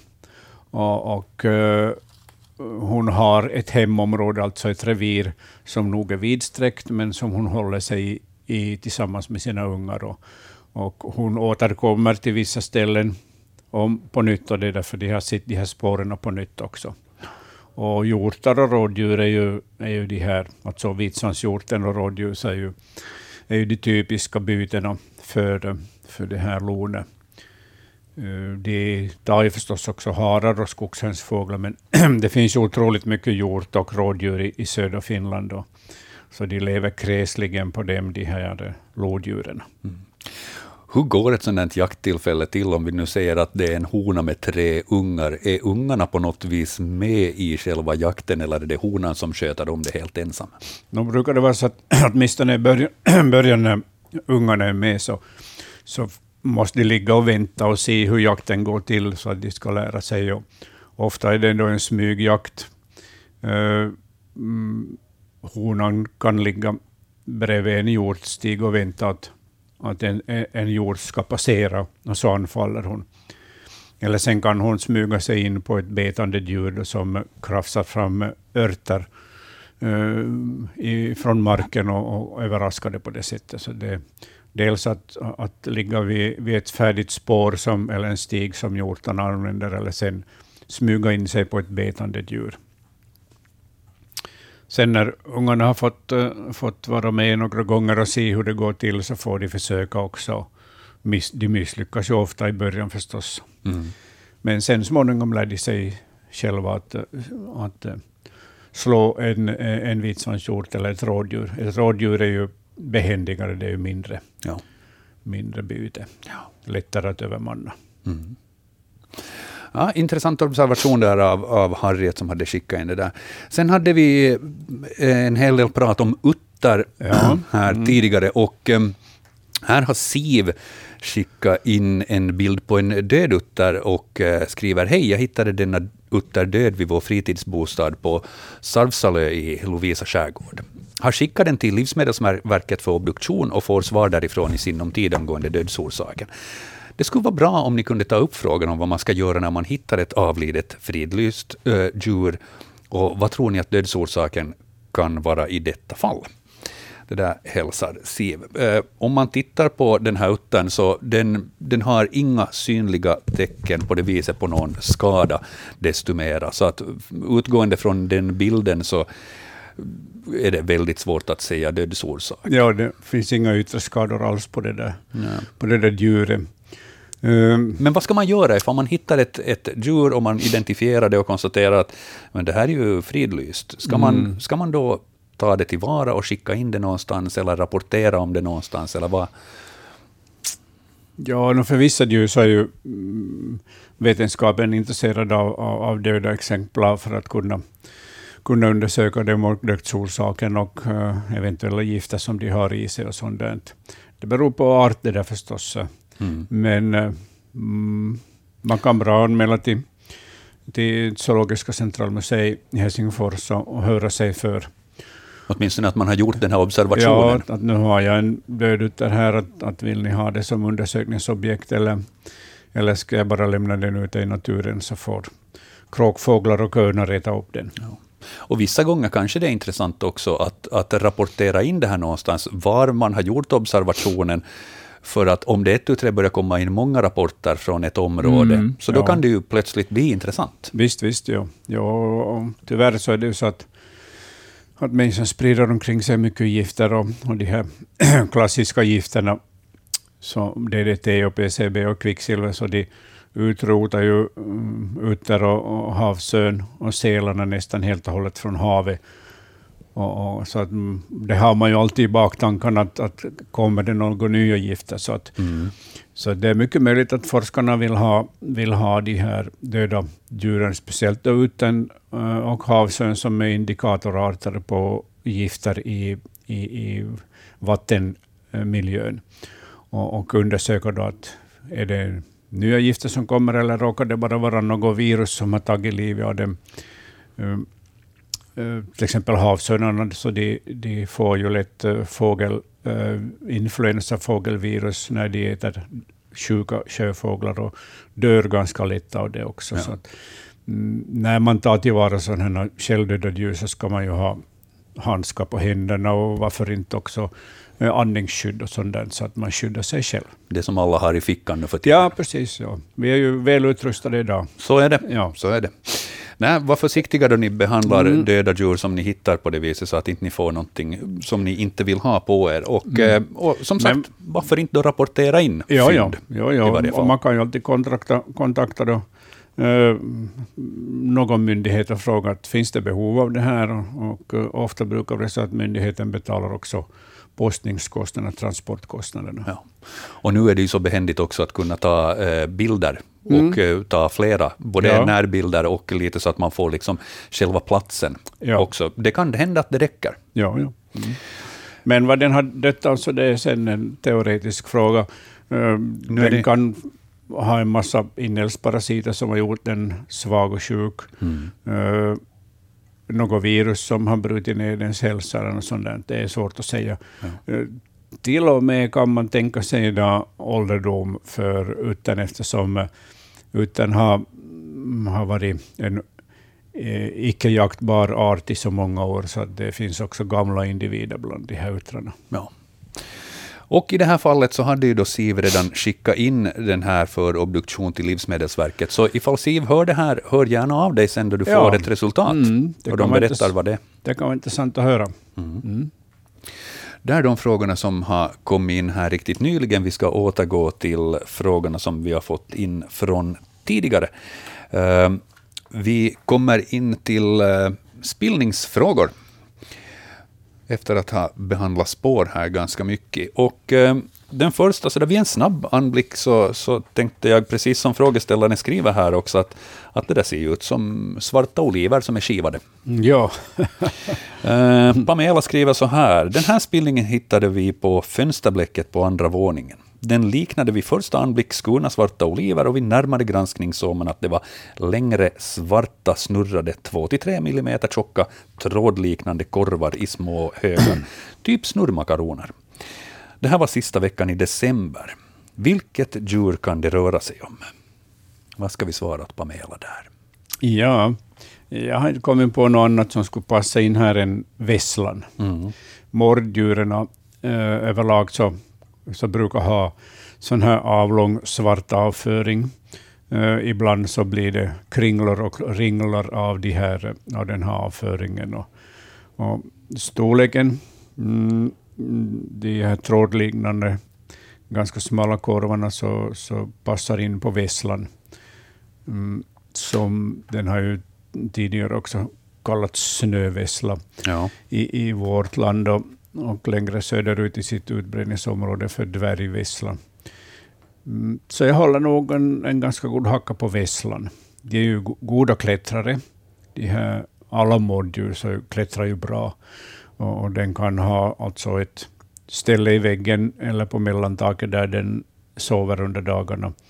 Eh, och sen brukar de då ha sin toalett eh, mm, ganska nära och sitt sovställe när den vaknar upp och blir nödig så springer den iväg till toaletten och, och lämnar sin avföring. Så vessla, Vessla. säger jag. ja. Ja. Lite små, konstigt ställe upplever jag kanske då, andra våningens visst är det fönsterbleck, men Ja, visst är det det. Men, men med tanke på att, att mårddjur gillar håligheter av olika slag, Ja. så, så är det kanske inte så förvånande. Men visst är det här ju en, en, en, vessla som gillar att klättra. Mm. är, det, är det så att, att vesslan har eh, så att säga en toalett, eller är det så att den går till olika ställen hela tiden, då andan faller på? No, det brukar vara så att, att eh, mm, de har sina eh, sovhålor där de sover. Och sen när de vaknar och är nödiga så brukar de då lämna sin avföring på ett och samma ställe. Så därför kan det samlas på det här sättet. Ja. Eh, har man till exempel en hermelin i vedlidre under vintern så brukar avföringen finnas eh, ganska mycket på ett och samma ställe. Likadant om man får mink i båthuset så, så brukar den lämna sin avföring på trallarna i, i, i, roddbåten på ett och samma ställe. Så att, nu, det är ganska typiskt för dem. Sen är det förstås när de springer omkring i naturen och jagar, så då sprider de sin avföring överallt. Vi har fler eh, frågor om avföring som vi ska behandla om ett litet tag, för jag har på känn att de kanske tar några minuter i anspråk. Vi har nu bara två minuter här till nyheter på lätt svenska, så därför så tänkte jag att vi kan passa på att fråga en lite kortare fråga. Eh, vad kan man ge för mat åt eh, sidensvansar vintertid?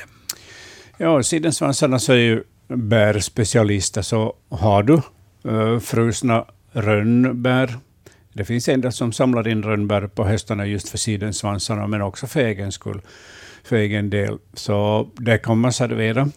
Uh, har du inte frusna rönnbär, men uh, en hel del uh, röda vinbär som du inte hinner äta upp, så kan man bjuda röda vinbär åt dem. Så att bär i olika former och framförallt röda bär. Uh, Sen finns det ju sådana som har lyckats uh, mata sidensvansar till och med med bananer Ja, med utsträckt hand och sådär. Men det hör till undantagen. Men, att men framförallt bär av olika slag. Och sen äter de också uh, skalade solrosfrön. Jaha, de gör det. Ja, jag hade faktiskt en sidensvans på besök för ett par veckor sedan. Och, och, och den plockade i sig skalade solrosfrön. Och, så att frön äter de också, men de kan inte eh, skala de här fröna. Va, vad är det annars som gör att det är just röda bär som på något vis är det som den föredrar? Är det för att rönnbär finns naturligt? Och Mm, och lingon den- finns naturligt. Och, eh, ja, det, det, deras sökbild är faktiskt röda bär i första hand. Ja. Sen kan de ju nog äta andra bär också, blåbär och, och odon och, och, och sånt där. Men, men de älskar röda bär i första hand. Ja. Ska lyssna på sidensvansen lite.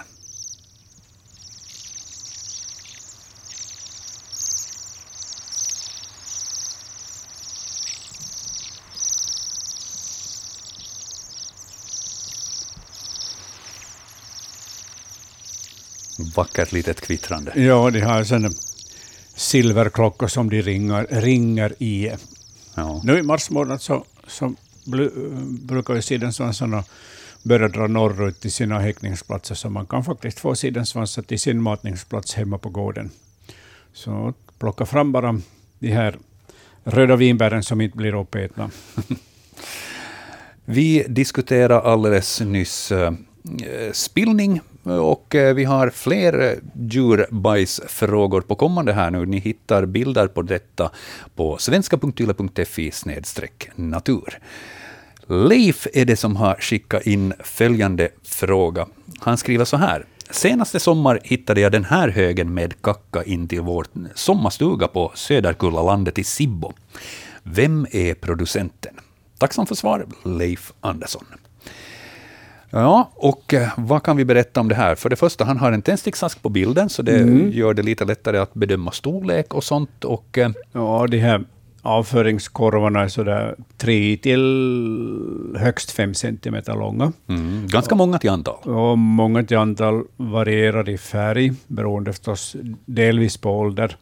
De, de vita, benvita, så är de äldsta. Men sen beror det också på, på det här innehåll.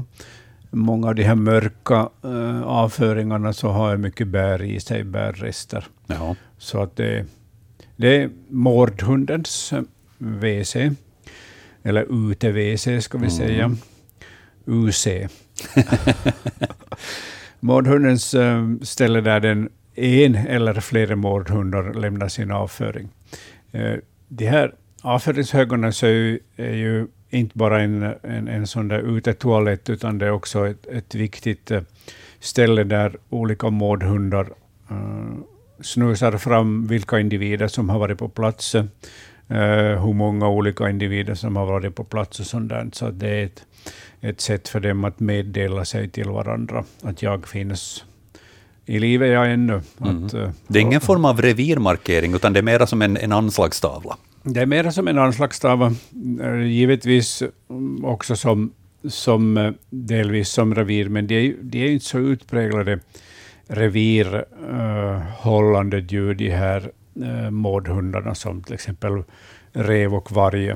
De vill nog ha ett hemområde som de får, där de kan ströva omkring själva, men att eh, det kan finnas förvånansvärt mycket mårdhundar inom ett och samma område. Så att, eh, det här är ett sätt för dem då att, att eh, meddela sig med varandra. Ja. Så att mårdhundens uh, utetoalett, och det är ganska typiskt på många ställen idag att man hittar de här.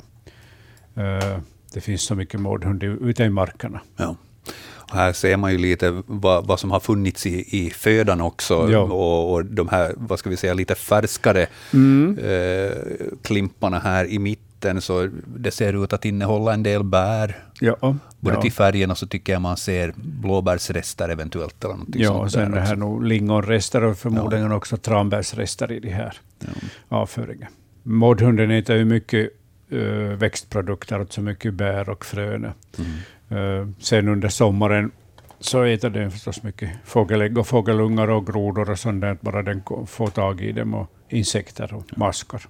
Hur det doftade väldigt mycket från en sån här, Nej, eller jag, luktar. jag tycker inte att det luktar så mycket. Vi har ju så otroligt rudimentärt luktsinne så att vi känner ju inte alla de här fina nyanserna som, som eh, svävar upp från den här skithögen, men att uh, mårdhundarna Mm. kan uh, tyda alla meddelanden.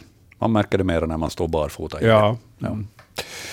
Så är det. Eh, Mårdhund får vi notera där för Leif som har skickat in den frågan. Följande eh, fråga så är inskickad av Solveig i Esbo. Och eh, hon undrar, är det här mårdhundsspillning som hon har hittat? Eh, för hon undrar här, är det djur, vad är det för djur som har varit framme? Kan det vara mårdhund? Den här högen fanns alldeles bredvid terrassdörren. Nu har jag närbild på en av de här klimparna. Eh, bilden så innehöll också en till som var lite mera, vad ska vi säga, söndrig, men, men lika ljust i färgen och innehållet också detsamma. Men, men jag valde att beskära bilden så att det fokuserar enbart på den här. Eh, men vad Hans, skulle ditt tränade öga säga om det här? Är det mårdhund? Eh, Nog skulle det kunna bra vara mårdhund. Det är mycket växtdelar, frön och allt annat i, i den här avföringen. Eh, Jag hittade, där hittade jag ett talbar som jämförelse och, och den här avföringen när man jämför med de här tallbarren så är ungefär lika stor som avföringskorvarna i, i föregående bilder. Mm. Så nu tror jag att det är grävlingen som har, äh, mårdhunden som har, som har gått förbi Ja. terrassdörren och blivit nödig och, och släppt en par korvar då på, utanför terrassdörren. ja. Att här, här är det inte den här samma samlingen av, av många individer, utan Nej, utan då de strövar omkring i markerna så blir de ju kacknödiga allt emellanåt och så släpper de sin avföring. Men, men de här samlingarna med avföring, så det brukar ju vara, brukar vara sån, sån avföring som, som lämnas på morgonen efter att de har vaknat eller, eller eh, på kvällen när de har vaknat och, Ja. och ger sig iväg för att söka föda. Så det brukar vara sån avföring. Precis som med de här mårddjuren också, som, som brukar lämna mycket avföring på ett och samma ställe, nära sitt sovställe. mårdhundens Mm. spontantömning där. Ja. Följande eh, bild på djurspillning då. Här är det Frank som har skickat in den här bilden. Eh, ni hittar den på svenska.yle.fi natur. Där kan ni följa med den här bildbloggen. Um, han skriver så här. Hej, förde idag mat till vårt jaktlags utfodringsplats i skogen i Hindhår i Borgå. Hitta det där spillningen som syns på bilden. Har ni någon uppfattning om vad det är för ett djur i fråga? Och det som är konstigt är att bajsaren inte fastnat på viltkamerans bild. Storleken kan ni bedöma utgående från sädkornens storlek. Och du har tittat lite närmare på det här och har en teori. Mm, ja, no, jag hittar inte något annat djur som skulle passa in här än vildsvin. Mm. De har ju lite sån här segmenterad avföring. Ja. Och, och eh, storleken passar ju bra in för att det finns ju både stora och små vildsvin i markerna. Och, eh, Området kunde passa bra in ja, också. ju- de, de, alltså de, det är ju södra Finland, ja, Borgo, och eh, de dras förstås till matningsplatserna, de här vildsvinen, precis som vitsvanshjortar och rådjur gör det. Så nu skulle jag säga att det är vildsvin. Mm. Att den inte fastnar på, på viltkameran så, så är kanske ett tekniskt eh, missöde för vi, vi, i viltkameran. Det var de avföringsfrågorna vi hade i bildbloggen för den här veckan. Vi får dra streck där och notera vildsvin och så kommer jag att fylla i det sen hit i bildbloggen i text också, så att ni kan se det efteråt. Vi talade alldeles nyligen om sidensvansar och eh, Sari har skrivit här. Hej, vi hade nyligen några orädda sidensvansar i enbuskar här på tomten, så det vill tydligen också ha annat än röda bär. Fåglarna satt kvar fast vi gick väldigt nära på mindre än en meters avstånd från fåglarna, skriver hon. Ja, enbär är ju en viktig föda faktiskt för bärätande fåglar. Både för trastar och, och sidensvansar. Och, och, och eh, uttrycket kramsfågel, så det kommer faktiskt från tyskan och betyder eh, enbärsätande fåglar. Och, kramsfågel så fångar man ju förr i världen eh, för att äta själv, men framför allt för att saluföra på torg och i Just det. städer. Eh, också skogshönsfåglar äter enbär. Och, och grönfinka kan äta enbär, så det, det, det är faktiskt en, en viktig, viktig föda, naturlig föda för, för många fåglar. Och det var ett bra påpekande det här. Spara enarna i markerna. Ja. Tack Sari för den där e-posten, den kom in alldeles nyligen. Ja, eh, vi har ganska många frågor ännu i bildbloggen och vi har 15 minuter sändningstid, så vi får nog öka takten tänkte jag säga och, och se hur många vi hinner med. Um, vi har följande bild, uh, är på en eh, uh, snigel, en snäcka. Um, det står så här, vem är på bilden? Har även en videotagning av denna troligtvis snylt angripna snigel eller snäcka. Och där ser man hur hornet pumpar nästan lysande i grönt. Är det här något vi har mycket av i Finland? Ehm, kan vi utgående från den här bilden försöka artbestämma vad det är som vi har på bild och vad är det här som pumpar? Ja, den här snäckan så, så kan jag tyvärr inte artbestämma. Eh, Jag ska försöka göra det till april månads Mm. eh, program. Eh, Den här gröna, vita och gröna eh, varelsen i det här ena känselspröta, det här ena hornet på, på den här snäckan, så är nog en parasit som den har där. Och, och det är meningen att den ska synas så här, så att när fåglar nappar tag i det här och äter upp det och, och får i sig den här parasiten och för den vidare i, i kretsloppet, i parasitens kretslopp. Men också det så ska jag ta och luska re, närmare reda på. Vanligtvis så brukar ju sådana här olika väldigt klara, gälla färger mera handla om att man försöker skrämma bort fåglar. För att visa att nej, nej, jag är giftig, ät inte mig. Men du säger alltså att i det här fallet så är det en parasit som vill bli uppäten Ja. för att kunna spridas vidare. Ja. Ja, det finns många märkliga fenomen i, i naturen. Men vi får återkomma till det här närmare sedan. Vi ska ta upp den frågan Ja. på nytt då vi har undersökt det lite närmare.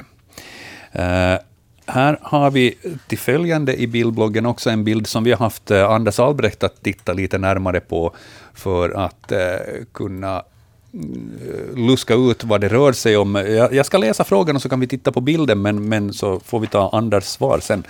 För ett par månader sedan uppenbarade sig dessa pokadjur på fönsterbrädet i mitt sovrum. Jag bor i andra våningen i ett eh, Stenhus byggt 1949. Först trodde jag att det var fästingar som min hund hade bringat till huset. Han är borta men krypen har jag fortfarande. De är väldigt slöa och långsamma, men ändå hittade jag en på tamburgolvet cirka tre meter från fönsterkarmen. Det tycks hela tiden komma fler trots att jag spolade ner dem i WCn. Jag har en orkidé på fönsterbrädet, tror dock inte att den har med saken att göra. Och så har vi alltså ett, ett litet kryp, eh, lite ovalt till formen, eh, och vi har den fotograferad här bredvid en tändsticka, så vi kan se att, att stor är den inte. Vi, det rör sig om vadå, ett par millimeter. Några millimeter, Några tre, fyra. Ja. Mm. Eh, och eh, vi skickade den här bilden eh, till Anders tidigare och han skrev att utgående från bilderna så kan han inte artbestämma det här. Så lite svårt. Men, men kanske där en, en uppmaning helt enkelt att eh, kanske Hedda, ifall du hör det här, så ifall du kan ta tillvara en eller två eller tre. Varför inte sätta dem i en liten tändsticksask och tejpa ihop det så att inte de kryper därifrån. Är de döda så då, då rör de ju sig inte, men de kan ju falla ut. Och sen skicka in dem i ett kuvert till oss här på Naturväktarna. Adressen är då Naturväktarna, Ylevega, postbox 12 00024 Yle. Alltså Naturväktarna, YLE Vega, postbox 12 00024 Yle. Så då kanske vi har en, en större möjlighet att, att kunna artbestämma vad det här är för små pokadjur som du har haft där vid fönstret. Ja. Sen mera kryp som vi också har fått in eh, bild på. Det är Johan som har skickat in det här. Eh, han skriver, jag hittade i fredags en levande myra som byggt ett kryp in i skalet på en kiwi som är producerad i Grekland och packad i Bologna, Italien. Då. Storlek och form tyder på att det är frågan om en drottning. Zoologiska museet är stängt och jag vet inte om jag borde anmäla fyndet eller bara vara försiktig med att inte släppa ut den eller eventuellt kommande avkomma. Är det av intresse för någon instans att veta om sådana här företeelser? Så här skriver alltså Johan, och så har han skickat in ganska många bilder. Jag har valt ut två stycken av de här för där man ganska tydligt kan se hur den här myran ser ut. Och visst ser det ut att vara en myrdrottning också. På ena bilden så har vi rester av kiwifrukten och på andra bilden så har han tagit ett fotografi på den här myran bredvid ett eh, måttband också så att man ska få storleken lite klar. Det här han, har Anders Albrecht också tittat på och han skriver så här. Myran är en drottning av släktet Krematogaster. Två arter är utbredda kring Medelhavet. I öster bland annat Grekland, Krematogaster schmitti. Västerut ersätts den av sin nära släkting Krematogaster scutellaris. På basen av bilderna vill han inte gissa vilken art det är frågan om, men i vilket som, fall som helst så behöver vi inte vara oroliga här uppe i norr. Så det var ju för det första skönt att höra. Ingen risk att den här nu på något vis sprids och ställer till med problem i vår natur. Men vi kan ju diskutera lite det här, ifall man hittar ett eh, exemplar av en insekt eller något annat i, sig, en du, bananlåda eller annan frukt eller någonting sånt, om man då misstänker att det här är ett kryp som kommer från ett annat land än Finland. Vad Hans tycker du att man ska göra då? Det första tycker jag man ska göra är att avliva, avliva det här djuret. Mm. Insekter är ju lätt att av, avliva med, med äter till exempel, mm, eller någon annan eh, stark vätska som man doppar i bomull och sätter i, i en ask eller i ett uh, litet glasrör och sen insekten dit så att, så att den somnar in helt enkelt. Eh, det är det viktigaste nog så att man inte eh, så att vi inte får sådana här främmande nya arter till oss. De brukar vara framgångsrika om de slipper lösa i naturen eller i vår bostadsmiljö. Eh, Sen när man har eh, avlivat det här så, så är det ju bra att kontakta Zoologiska museet till exempel. Eh, De samlar ju gärna in uppgifter om, om främmande arter och, och vill kanske ha också corpus delicti på plats, den Mm. döda kroppen, för att kunna artbestämma den helt och hållet. Så en, en snabb och human avlivning och sen kontaktar man museet och hör sig för. Ja. Man läser ju ibland i kvällstidningar och liknande om rapporter att man har hittat en orm i en bananlåda eller en stor tarantellaspindel Ja. eller någonting sånt här. Och då kan jag kanske förstå att, att det där avlivning med att sätta, det, att sätta den i äter inte är aktuellt. Men tipset där är väl då helt enkelt Frysen. frysen, kontakta myndigheterna. Ja. Och för myndigheterna vet sen vem man, ska ta i kontakt, vem man ska ta kontakt med som följande steg. Jo, jo. Och överhuvudtaget så kan man avliva också insekter i frysen, de dör ju bort Ja. i, i frysen. Så att eh, bara man kan tänka sig att, att sätta de här djuren i frysen så gör man det. Ja. Och om inte annat så måste man helt enkelt be om hjälp Jo, av någon som kan jo, göra det. Ja, jag tittar på klockan med ett öga och konstaterar att nu får vi sätta på ett kol här. Vi har ett par frågor ännu i vår bildblogg som jag hoppas att vi ska hinna med. Eh, Följande fråga som har kommit in av Ja, nu vet jag faktiskt inte om jag ska uttala det Steve Jonsson eller Steve Johnson, men Steve säger vi nu i varje fall. Ja. Han har skickat in ett eh, videoklipp eh, på ett djur som springer över snön. Han skriver detta djur sprang på åkern nedanför vårt hus i Solv, Munsmo, på lördag kväll eh, här nyligen. Är det en rev eller är det en varg? Och jag har tagit en stillbild av det här och satt det på bildbloggen också så att man kan eventuellt där titta lite närmare på det. Men utgående från videoklippet som jag visade åt dig Hans här tidigare, vad skulle du säga? Är det här rev eller varg? Mm, Jag skulle säga att det är en revhanne som är ute på fria stråt. Det är typiskt för dem att springa omkring på det här sättet nu, till och med på dagen också. Eh, Ett eh, relativt slankt djur, lång svans, eh, ganska långa ben och, och, och sen en, en, en, ett smidigt huvud med, med uppstående öron. Så en revhanne Mm. ute på, på frieri. Var det någonting i sättet att springa som du la märke till? Ja, det är så viset- där lätt och ledigt och, och ja, den löper lätt undan. Och. Ja. Visserligen vargen har ju också en, en mycket sån där flytande vacker gång, men, men, men det här var lättare och man ser att det är ett spänsligare djur också. Mera trippande på något sätt. Ja. Mm. Ja. Då har vi klart fall där vi får notera att det var nog en rev som sprang över gården, eller Mm. över åkern. Sista bilden i bildbloggen så är uh, Uffe i Tenala som har skickat in eh, den här. eh, jag undrar om korpen på bilden var sjuk eller varför hoppade den omkring på gården i två dagar? Den var inte rädd av sig utan lät sig fotograferas med telefonen alldeles nära. Vingarna såg lite lurviga ut, men annars bara hoppade den omkring och plockade någonting un- under mitt eh, fågelmatningsställe. Varken mesar eller koltrastar reagerade på den. På eftermiddagen andra dagen så försvann den bakom huset och har inte sett still sedan dess. Det här är alltså Uffe i Tenala. Vad, vad kan vi svara här? Ja, nu är bilden inte riktigt skarp, ganska otydlig, men jag tycker att, att eh, det mest liknar en, en kråka. Den har ju ganska mycket grått uh, i, i sin fjäderdräkt som kråkan har.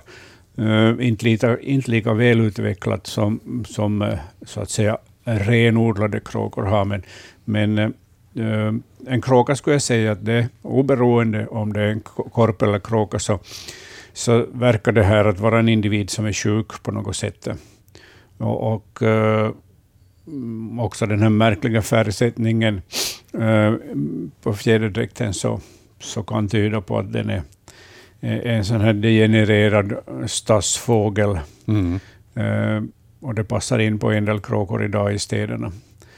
Mm, sjuk på något sätt är den, skulle jag säga, och den har säkert försvunnit in i skogen och blivit mat för, för rev eller, eller lodjur. Kanske duvhök. Ja. Mm. Sjuk förmodligen. Ja. Ja. Det finns ju förstås den möjligheten också att, att den här eh, kråkan, den här kråkfågeln har blivit uppfödd av någon människa och därför har varit så där tam. Men jag tycker på uppträdande och på den här eh, dåliga fjäderdräkten så det lutar mer åt någon, någon sjukdom, någon brist i, i, i, i, i ämnesomsättningen eller något dylikt. Ja. Kort fråga här som vi hinner med. Eh, jag har sett att några matar fåglar med bröd. Skriver Cindy. Hur vettigt är det? Undrar hon. ja, något sånt här eh, vitt, eh, lätt bröd så är det ingen större vits att ge åt, åt olika fåglar och, och andra djur. Vill man ge bröd så ska det vara rejdigt bröd, rågbröd eller mång, mångkornsbröd. Det ska vara någon näring i det. Det ska vara någon näring i dem helt enkelt. Mm. Uh, man kan ge förstås ibland bröd åt, åt uh, fåglar och, uh, som man matar hemma på gården, men basfödan ska ju nog vara kraftigare frön och fett som ger mera energi. Ja. Men det behöver ju inte hindra att man ibland sticker i med, med bröd som har blivit gammalt till exempel. Mm. Misan skriver e-post här. Eh, jag har en hel batch med alfa-alfa-frön som är gamla och gror dåligt, om alls. Kan man ge dem åt fåglarna eller ska de kastas bort? Nog kan man bra ge dem, eftersom de är torra och inte mögliga så går det bra att ge dem åt fåglarna. Ja. Det finns i alla fall en hel del näring, trots att grobarheten har sjunkit drastiskt hos de här fröna. Mm. Kort hinner vi kanske också med hennes andra fråga här. Min goda vän har möss i sin stuga på Villinge. Hon satte ut flera fällor och när hon häromdagen var där såg hon inte en enda mus i fällorna, bara lite blod på pappren, trots att det smält igen. Två hade inte fungerat men ostbitarna var putsväck. Nu funderar vi om det handlat om kannibalism. Har kanske den rackaren som ätit upp godbitarna ur fällorna som inte fungerat också ätit upp sina döda kamrater? Finns det ett svar på den här frågan, månntro? Det skulle vara kiva att veta. Ja, det kan förekomma hos eh, sorkar och möss eh, kannibalism om det blir dåligt med föda. För det är ju, mm, de här kompisarna är ju, är ju mycket proteiner i dem. Ja. Och, men eh, jag håller nog mera på att, att det finns också näbbmus med, som ju är en utpräglad insekt och köttätare. Och, och de brukar rensa sådana här musfällor på allting döda möss eh, och döda sorkar och sen förstås ost och annat man har satt i, som bete. Så kanske i alla fall mm, näbbmöss som äter upp de här, de här eh, mm, döda mössorna från fällorna. Mm där de frågorna som vi hinner med i Naturväktarna i mars månads upplaga. Vi är tillbaks igen om en månad, första onsdagen i april, och enligt min kalender så betyder det den 7 april. Där får ni ringa in färdigt att då är vi tillbaks 10.03. Jag får säga stort tack till Hans Hestbacka som har stått för expertisen idag, och eh, hör gärna av er innan nästa sändning på e-postadressen natursnabelayle.fi, eller så skickar ni brev eller vykort eller paket på Naturväktarna, Yle Vega, postbox 12 00024 Yle. Gå gärna då på samma e-postadress som jag nämnde här redan tidigare och skicka in ett bidrag till Naturviskar-tävlingen. Mer om den hittar ni på nätet. Jag, Joakim Lax, tackar så mycket för sällskapet. Det var ni som gjorde sändningen.